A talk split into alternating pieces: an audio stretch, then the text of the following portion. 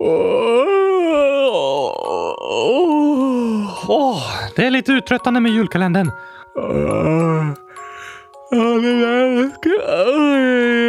Och nu gäspar jag också. Sjätte dagen i rad med ett nytt avsnitt, Gabriel. Jag tror min röst börjar bli lite sliten nu. Min med! Ja, det är klart i så fall. Hur många dagar är det kvar egentligen? Det är ju idag och sen är det 18 dagar till, Oskar. Så det är många dagar, många länder kvar. Oj, oj, oj, oj, oj, vad roligt det ska bli! Jag är så trött. Ja, det förstår jag. Det blir en del jobb med julkalendern också. Senast har inte vi skött våra sovtider bra heller, utan jobbat i hela nätterna. Har vi? Eller jag i alla fall. Jag har mest sovit. Ja, alltså det är ju jag som skriver manus, sen är du med på inspelningen och sen får jag sköta redigeringen också. Jag kan hjälpa till om du vill. Okej, okay, ja tack! Jag vet inte, alltså jo snälla! Du kan få försöka. Okej, okay, jag ska testa redigera lite från avsnittet igår så får vi se hur det blir. Okej, okay, det här blir spännande. Lyssna här! Sen så är det tradition att ha halm under bordsduken. Yeah! Vill du veta en polsk jultradition? Som jag tycker är väldigt fin. Mm, att istället för julgran så har de ett kylskåp. Menar du som de pyntar? Nej. Jo, det vore fint. Ja, den skulle vara väldigt fin. Jag tror jag ska med den traditionen. Det, det, det, det, det, det, det blir en fin tradition. Gör du så? Oj, oj, oj, oj, oj, oj, oj, jag tror vi har kommit fram till hur vi ska sköta arbetsfördelningen framöver. Vad menar du? Att jag tar hand om redigeringen? Nja, jo, men så kan du gå och lägga dig och sova. Inga problem. Jag har ändå inte så stora sömnbehov. Jag har inte ens några ögonlock, så kan inte blunda. Nej, men jag tror ändå att jag kommer fortsätta fixa redigeringen. Det blir nog bäst så. Gillar du inte att sova? Jo, men jag gillar också att podden blir bra och trevlig och förståelig när man lyssnar på den. Ja, ah, du tänker så. Där har du en poäng. Vi kanske kan hjälpas åt helt enkelt.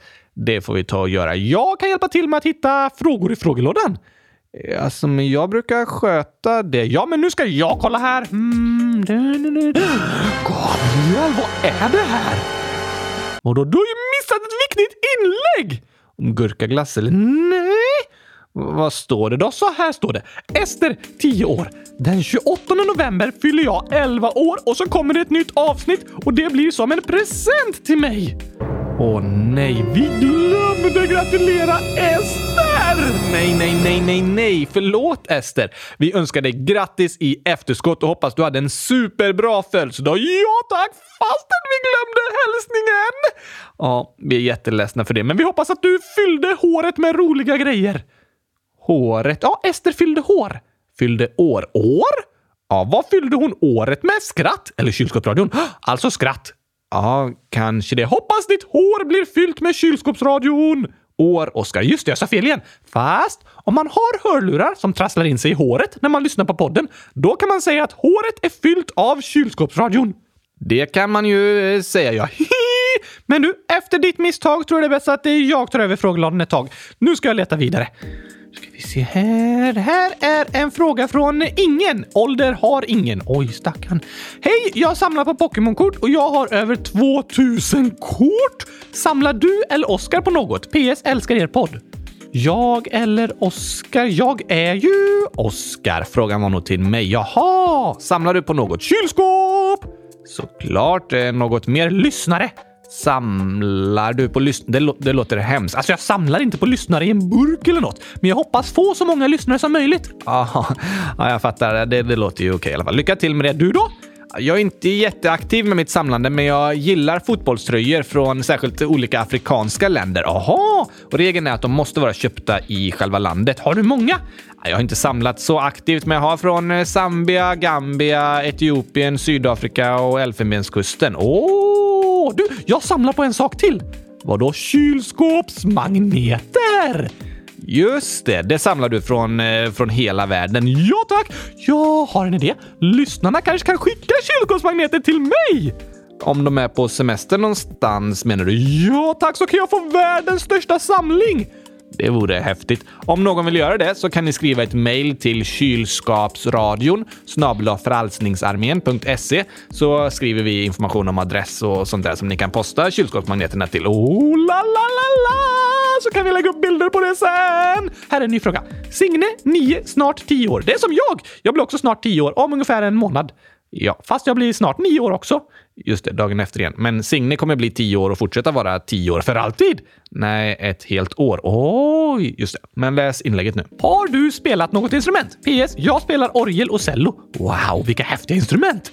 Superhäftiga. Men har du spelat något instrument, Oskar? Typ om jag varit med i en eh, teater? Nej, inte teater. Jo, men alltså att jag är skådespelare och så spelar jag ett instrument. Nej, nej, nej, nej, nej. Mycket bra insats som fiol i dagens uppsättning, Oscar. Nej, inte om du spelat ett instrument och du låtsas vara instrumentet i en teater, utan du spelat på något instrument. Om jag suttit på ett instrument och spelat spel, typ suttit på en gitarr och gameat tv-spel. Nej, om du spelat musik på ett instrument från Spotify. Nej. Kan du spela instrument? Jag kan spela trummor! Okej, okay. aha, det är bara att använda huvudet. Så du håller inte i trumpinnarna? Nej, det är jobbigt att hålla dem i munnen. Jag bara slår med huvudet. Tonk, tonk, tonk, tonk, tonk, tonk, tonk. Okej, okay. du då Gabriel? Jag är gitarrist från början och har spelat gitarr på musikskola i 13 år, sen även jobbat som gitarrlärare. Elgitarr? Nej, akustisk gitarr. Och jag har mest spelat klassisk musik. Oh, och så spelar jag en del eh, piano också, med huvudet. Nej, tänker du inte? Jo, alltså jag använder hjärnan. Slår du hjärnan på tangenterna? Såklart inte. Jag använder fingrarna och hjärnan. Ja, jag styr fingrarna med hjälp av hjärnan såklart. Jag älskar musik och tycker det är roligt att både skriva, spela och producera musik. Jag tycker det är roligt att sjunga. Det är du bra på också, så nu vill jag spela upp min fantastiska julmusikal! Just det, men du, vi har ett inlägg här från Aron som är 19 miljarder 20 000. Jag vet inte riktigt hur gammal han är. Det är väldigt många nollor. Varför tog ni bort början i julmusikalen? Va? Ja, det verkar som att början av musikalen inte kom med senaste gången vi spelade upp den i podden. No! Tack för att du påpekade det Aron och uppmärksammade oss på felet. Här kommer hela julmusikalen. Min julmusikal! Alltså jul med H. Just det.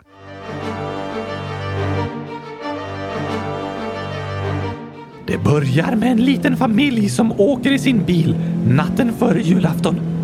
Plötsligt får de punka på alla fyra hjulen samtidigt.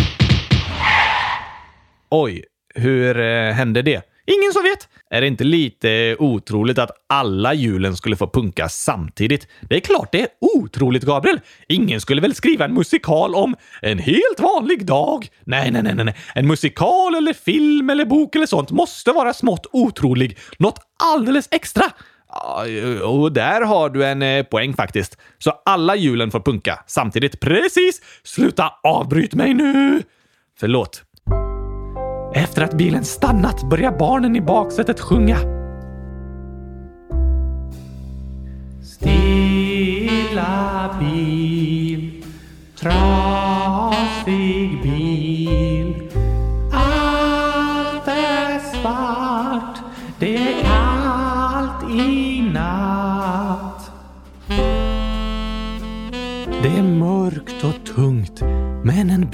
Bärgningsbil kommer och kör dem till verkstaden.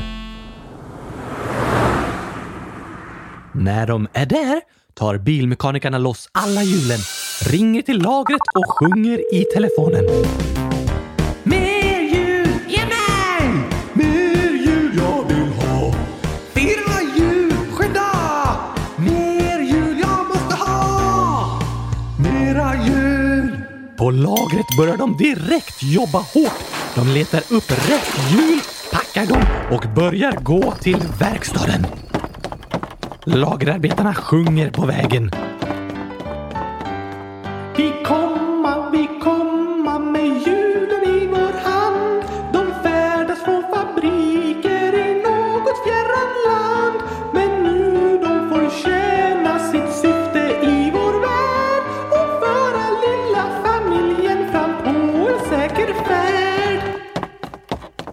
Stunds promenerande kommer lagerarbetarna fram till verkstaden och föräldrarna brister ut i glädjesång när de får se de fyra hjulen. Jul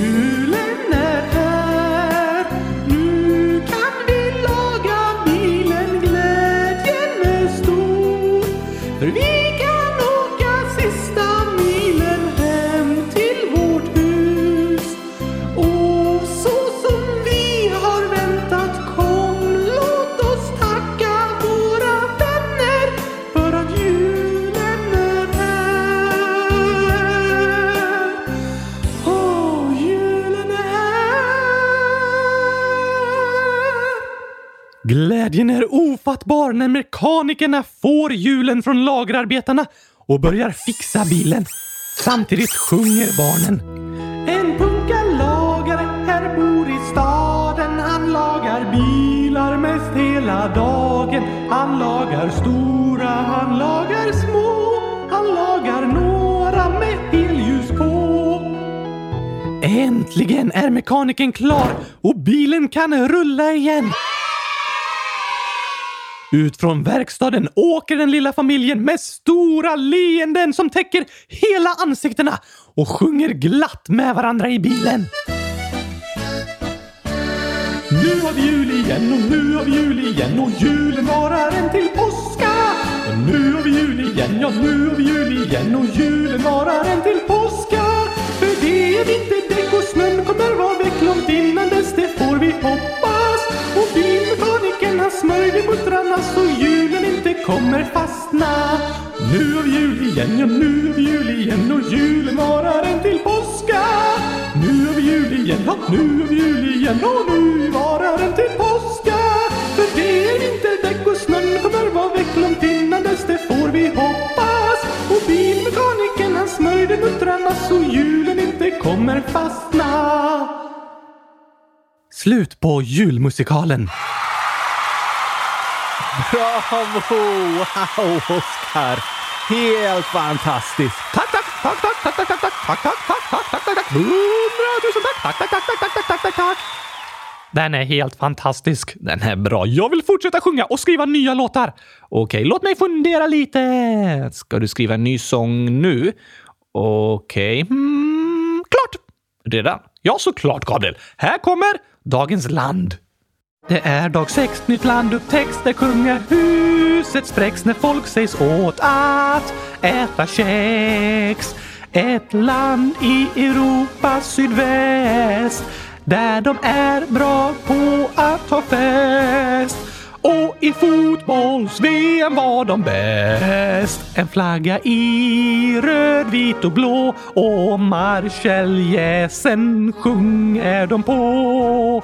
Där de åker runt i en Renault och läser Voltaire och Rousseau.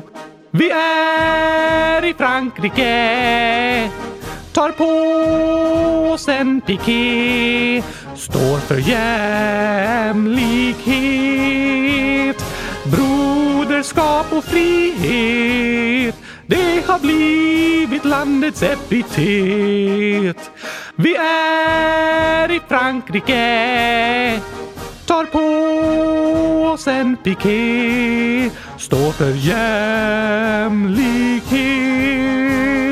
broderskap och frihet det har blivit landets epitet. Frankrike! Ja tack! Tror du vi har något att prata om? Ja, det finns det absolut. Alla länder i Europa bär på så mycket historia och annat spännande att berätta om. Oj, oj, oj, oj, oj! Och eh, om vi sa att Tyskland var i centrum för 1900-talets historia med världskrig och ett uppdelat land och så vidare, så kan man säga att Frankrike stod i centrum för århundradet innan dess. Från slutet av 1700-talet och genom 1800-talet så inspirerades många länder, särskilt i västvärlden, av Frankrikes framsteg och utveckling. De hade världens ögon på sig och många av de idéerna som dagens moderna samhällen har byggts på föddes i 1700-talets Frankrike. Så Frankrike har en ganska viktig roll i historien. Ja, verkligen. Så jag tycker det är superspännande och intressant att få lära sig om franska historien från 1700-talet fram tills idag. Hinner vi med allt det?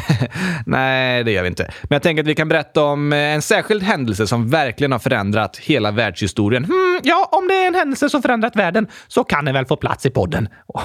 Eller hur? Men eh, först borde vi hålla igång tempot från igår och köra tio snabba det tycker jag också. Vi börjar med det. Du ställer frågorna så tar jag svaren. Oh, skönt att du inte sa att vi skulle göra tvärtom, för det hade inte jag klarat av. Just det. Kör igång då, Oskar.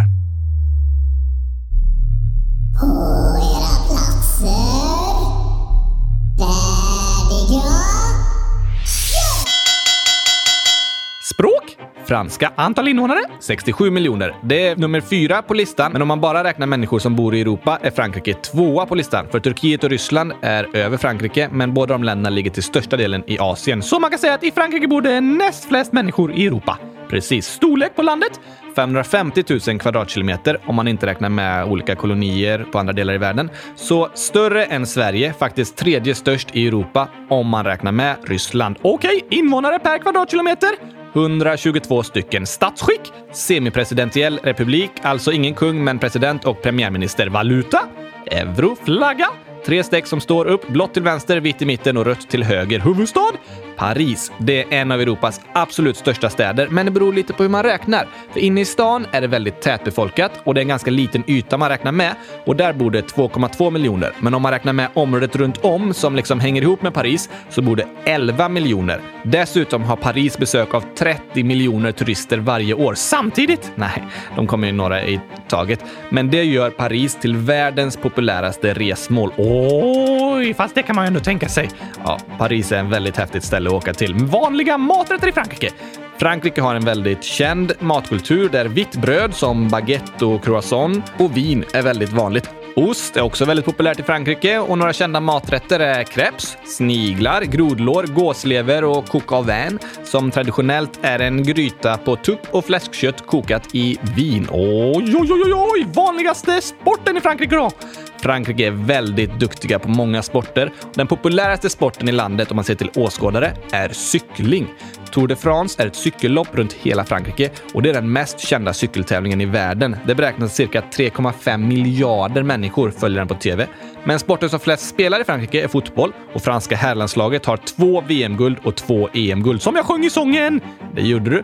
De är regerande världsmästare. Den näst mest spelade sporten i landet är tennis, men de är även väldigt duktiga på basket, handboll, rugby, motorsport, skidor och massa annat. Okej, klara! Det tog lite längre tid idag. Ja, jag pratar kanske lite för mycket. Då hinner vi inte någon julsång. Alltså, vi har ju ingen sluttid på podden, Oskar, så du hinner om du vill. Aha, aj då, jag har inte skrivit någon ny. Mm, nej, men du lyckades ju skriva den där andra låten väldigt snabbt idag. Alltså, jag låtsades bara. Jag satt upp hela natten med den. Okej, men okej. Om jag har fattat rätt. Frankrike är ett av Europas största länder. Paris världens populäraste turiststad. De äter sniglar och baguetter och dricker vin och är grymma på sport. Ja, så kan man sammanfatta det. Jag kanske borde hålla i tio snabba istället, Gabriel. Då blir det åka av! Verkligen. Då skulle vi hinna med massa jullåtar också. Vi hinner ju med om du vill, men du sa att du inte har någon ny. Sant, jag får jobba på det tills imorgon. Gör det. Men nu tar vi lite skämt. Yes!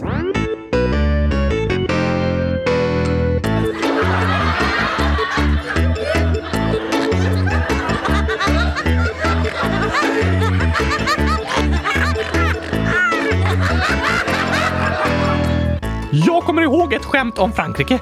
Från när då? Från ett annat avsnitt som Jemima och Johannes skrev. Minns du det? Gabriel, gurkaglass och skämt, alltså de viktiga sakerna i livet, det glömmer jag inte. Okej, Okej, Det är så här. Varför äter fransmän sniglar?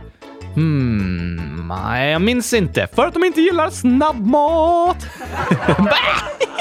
oh, för sniglar är långsamma. Just det. Sen har jag en till gåta. Du berättade ju om att Tysklands huvudstad Berlin var uppdelad i flera delar och att Frankrike hade ockuperat en del av Tyskland och sådär. Just det, efter andra världskriget. Men frågan är, vilka delar av Berlin ligger i Frankrike? Ehm, oj, nej, det är väl inga delar heller. Inte idag i alla fall. Eh, fast inte förut eh, heller. Jo tack! Nej, Oskar, i så fall har du nog läst fel. Jag vet inte vilken hemsida du hittat det på. Hela Berlin ligger i Tyskland. Nej, E, R, I och N finns i Frankrike du menar bokstäverna? Ja tack!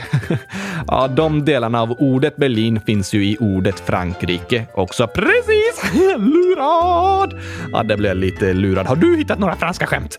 Jag har hittat några som går att säga om olika städer, men eh, där jag hittade dem så handlar de om Paris. Säg då! Okej, det första är så här. Det snöade i Paris. Det var vitt sen. Var det vitsen? Precis. Vad var det roliga då? Att det var vitt sen. Vitt? Ja, det snöade ju. Så det var vitt sen? Just det, det var vitsen. Aha, det var vitt sen! Just det, alltså ordet vitsen och att det var vitt sen. Precis! Det var vitsen, det var vitsen. oh, något mer? Ja, eh, en som är så här. Bellman skulle åka tåg till Paris, men han ville veta hur lång tid det skulle ta, så han ringde till tågstationen. Hej, jag undrar hur lång tid det tar att åka till Paris med tåg? Ett ögonblick, sa personalen och tittade efter. Men då sa Bellman, jaha, det var ju väldigt snabbt. Och så la han på telefonen. oh, han trodde det skulle ta ett ögonblick att åka med tåget. Ja, men personalen menar att han skulle vänta ett ögonblick. Ja, Ja, det kan inte ta bara ett ögonblick, fast ett av mina ögonblick, för jag har inga ögonlock, så det tar väldigt lång tid för mig att stänga och öppna ögonen igen. Det gör det verkligen. Hej! kylskåpsslam, kylskåpsslam, kylskåp dingelidong. Flingor som nu virvlar om i ett frostigt kylskåp som behöver en ny kylskåpsslang, kylskåpsslang. Den gamla är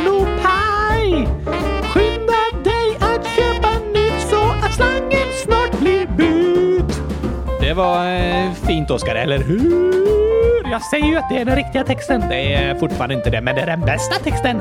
Det kan du tycka. Jag tycker det, för det är jag som har kommit på den. Oh, kylskåpsslang, kylskåpsslang. Det låter mycket bättre än det där bjällerpang, bjällerklang. Ah, kylskåpsslang ska det vara. Vi kör på det. Oh, kylskåpsslang. Oh, hördes dingelidong, dong, dong, dong och flingor nu om i ett frostigt kylskåp som behöver en ny kylskåpsslang, kylskåpsslang. Den gamla är nog paj. Så skynda dig att köpa nytt så att slangen snart blir bytt.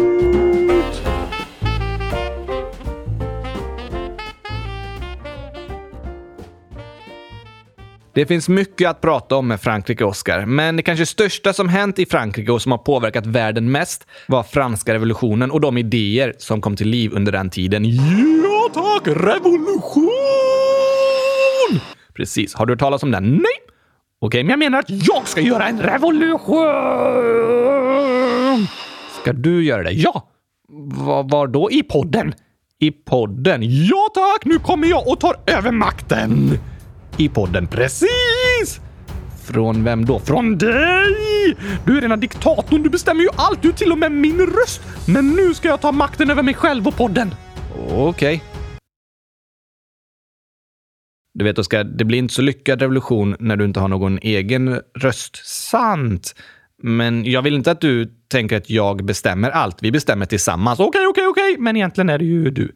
Ja, jo, det är ju sant. Men du har rätt i, Oskar, att revolution handlar bland annat om att ta över makten. Hade jag rätt? Ja, fast det är inte bara det ordet betyder. Revolution betyder att någonting förändras väldigt mycket och snabbt. Det är revolutionerande! Precis. Så smartphonen till exempel, den är revolutionerande för den har ändrat totalt hur vi människor lever. Glödlampan var revolutionerande. Verkligen. Och kylskåpet. Ja, men eh, det får man nog ändå säga. Ganska revolutionerande. Och gurkaglassen! K- kanske inte lika revolutionerande, men jag förstår vad du menar. Vad var det som förändrades i Frankrike då? Jo, i den franska revolutionen så var det folket som tog över makten från kungen och adeln. Sadeln? Nej, adeln. För länge sedan fick vi faktiskt in en fråga från Maxish 07 som frågade vad betyder adel? Det är en sån man sitter på. Inte sadel. Okej. Adeln var en grupp människor som förr i tiden var väldigt högt ställda i samhället. Lite som eh, kungen. Var de kungar? Nej, men det var en makt som ärvdes inom adelsfamiljer på samma sätt som med kungafamiljer. Okej, det var inte att eh, folket röstade fram dem som man gör med politiker. Nej, Adeln var en grupp människor som var liksom mer värda än andra, bara på grund av vilken familj de var födda i. Orättvist! Verkligen. Och på 1700-talet var Frankrike Europas starkaste och folkrikaste land och franska adeln och kungahuset var väldigt rikt och lyxigt. Men eh, några långa krig under 1700-talet gjorde att franska staten förlorade massa pengar. Kungens skattkistor var tomma. Det skulle man kunna säga, men det gillar inte kungen. Nej, så den franske kungen Ludvig XVI valde att eh, höja skatterna för folket så att staten skulle få mer pengar igen. Men det var bara från tredje ståndet, de som var längst ner i samhället, som skatterna höjdes. Vad menar du med det? Jo, där fanns bönder och borgare, alltså de som jobbade hårt men inte hade så mycket pengar. Vilka var de andra två stånden? Det var adeln och prästerna. Så människor var indelade i olika grupper som var olika mycket värda? Ja, det kan man säga. Och adeln och prästerna i de två översta stånden, de behövde inte betala skatt. Så det var bara de fattigaste som behövde göra det? Precis. I det tredje lägst ställda ståndet var det väldigt många människor, nämligen 98 procent av alla i Frankrike. Typ alla ju!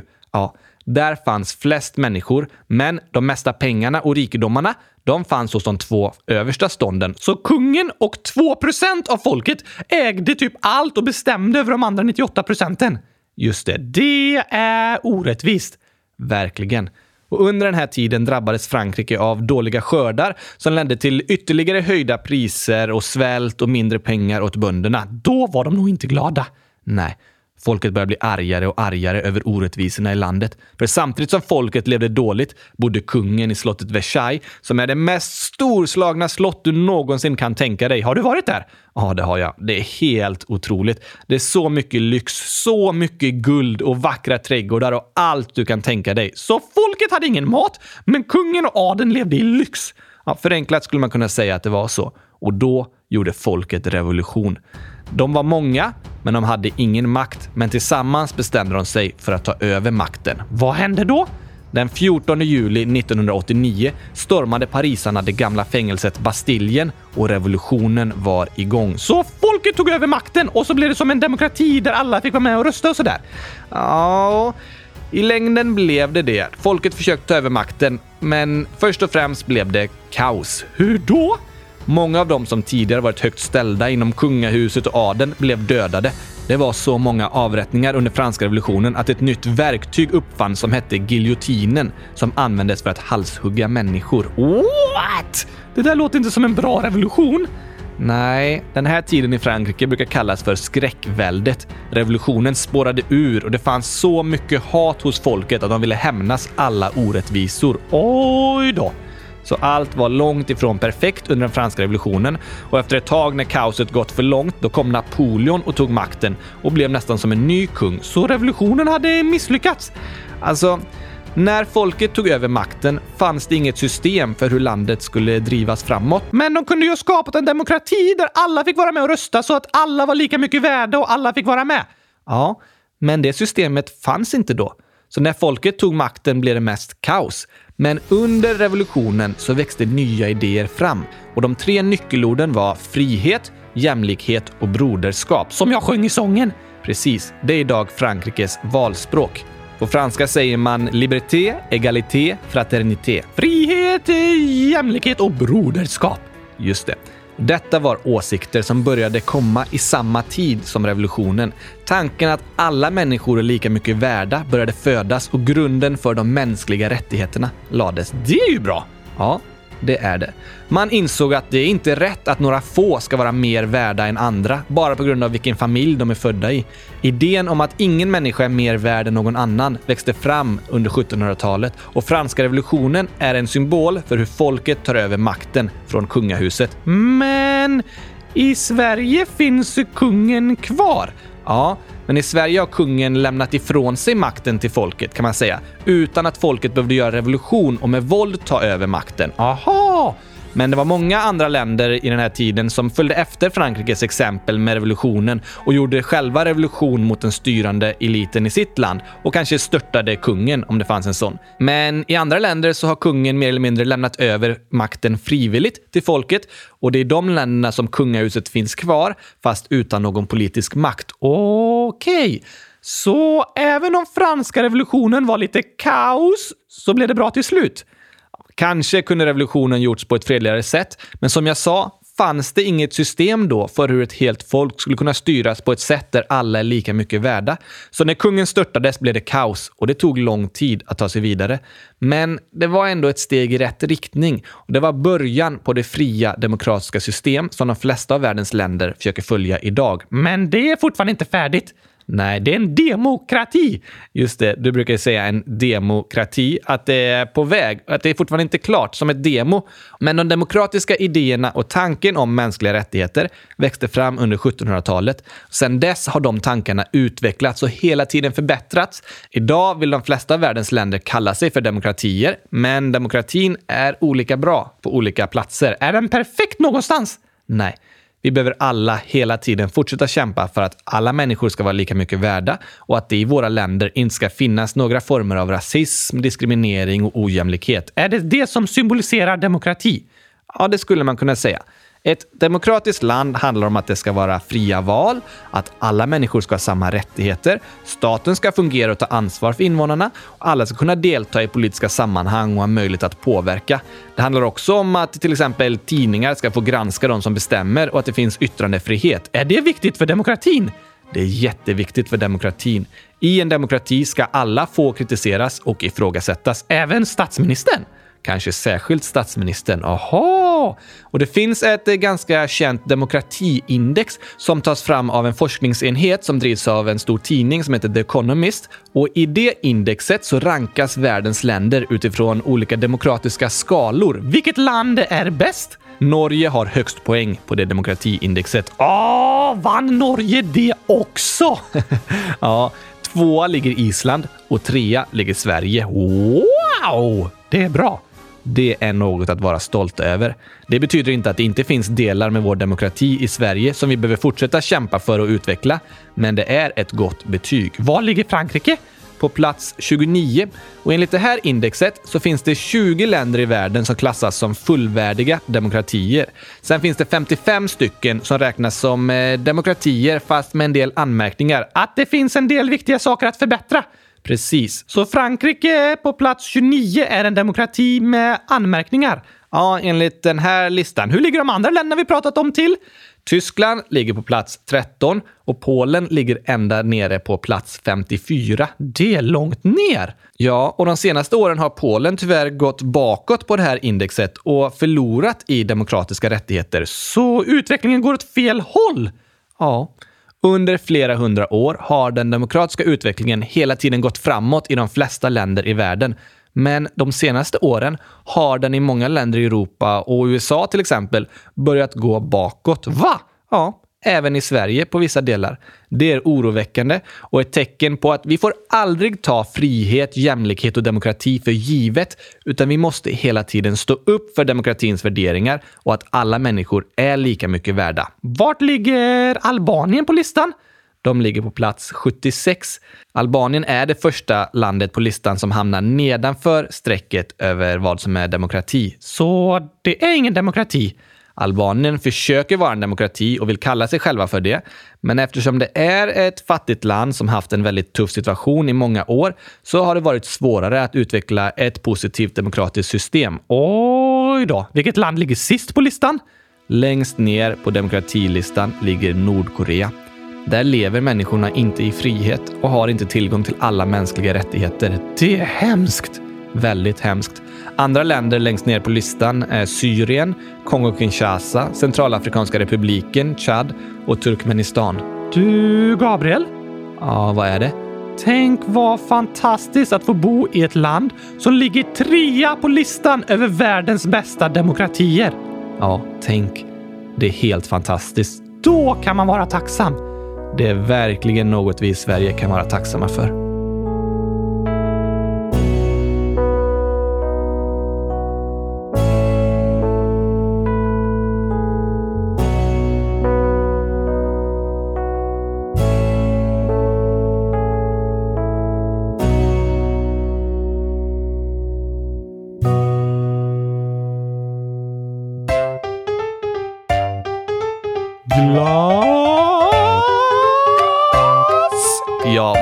Vet vi om fransk glass? Att om den har gurkasmak så är den fantastisk.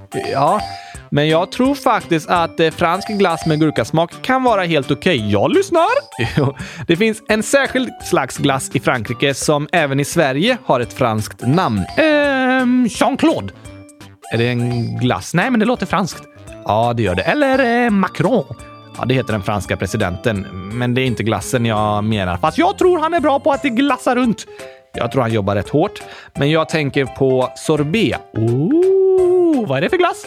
Sorbet är gjord på fryst puré av frukt eller bär, så ingen mjölk i. Nej, det ska det inte vara. Det är inte som svensk glass som är gjord på grädde och mjölk, så bara frukt eller bär. Och eh, socker såklart. Ja, självklart. Och i Frankrike så brukar sorbet serveras mellan förrätten och huvudrätten. Inte som efterrätt. Man kan få det som efterrätt också, men på fina restauranger får man ofta en liten sorbetkula mellan maträtterna för att rensa smaklökarna lite. Åh, tänk vilken drömrestaurang om jag får gurkaglassorbet mellan förrätten och huvudrätten! Ja, eller hur? Mm, men vänta lite, vad skulle du äta till förrätt? Gurkaglass! Och till huvudrätt gurkaglass! Och så lite gurkaglass-sorbet däremellan. Ja tack! Alltså det är drömmen! Ja, det låter verkligen som eh, det.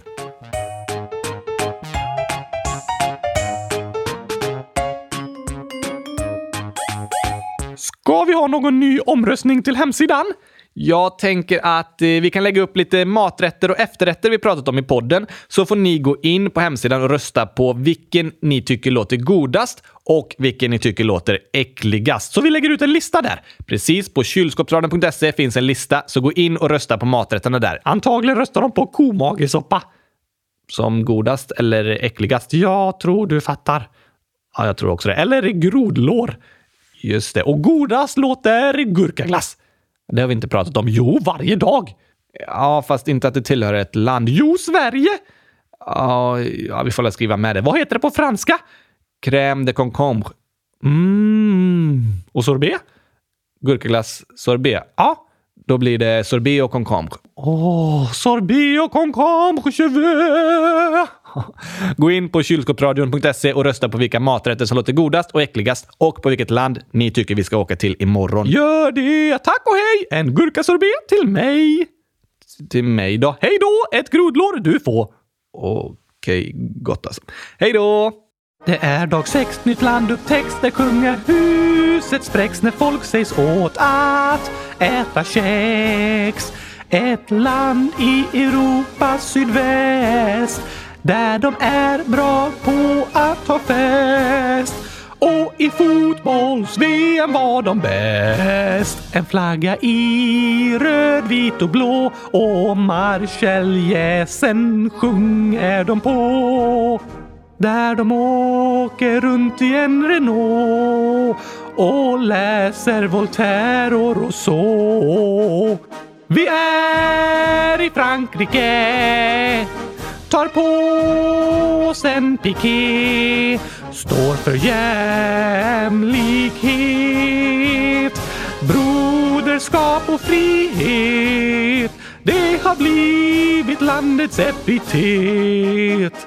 Vi är i Frankrike tar på oss en piké står för jämlikhet broderskap och frihet. Det har blivit landets epitet.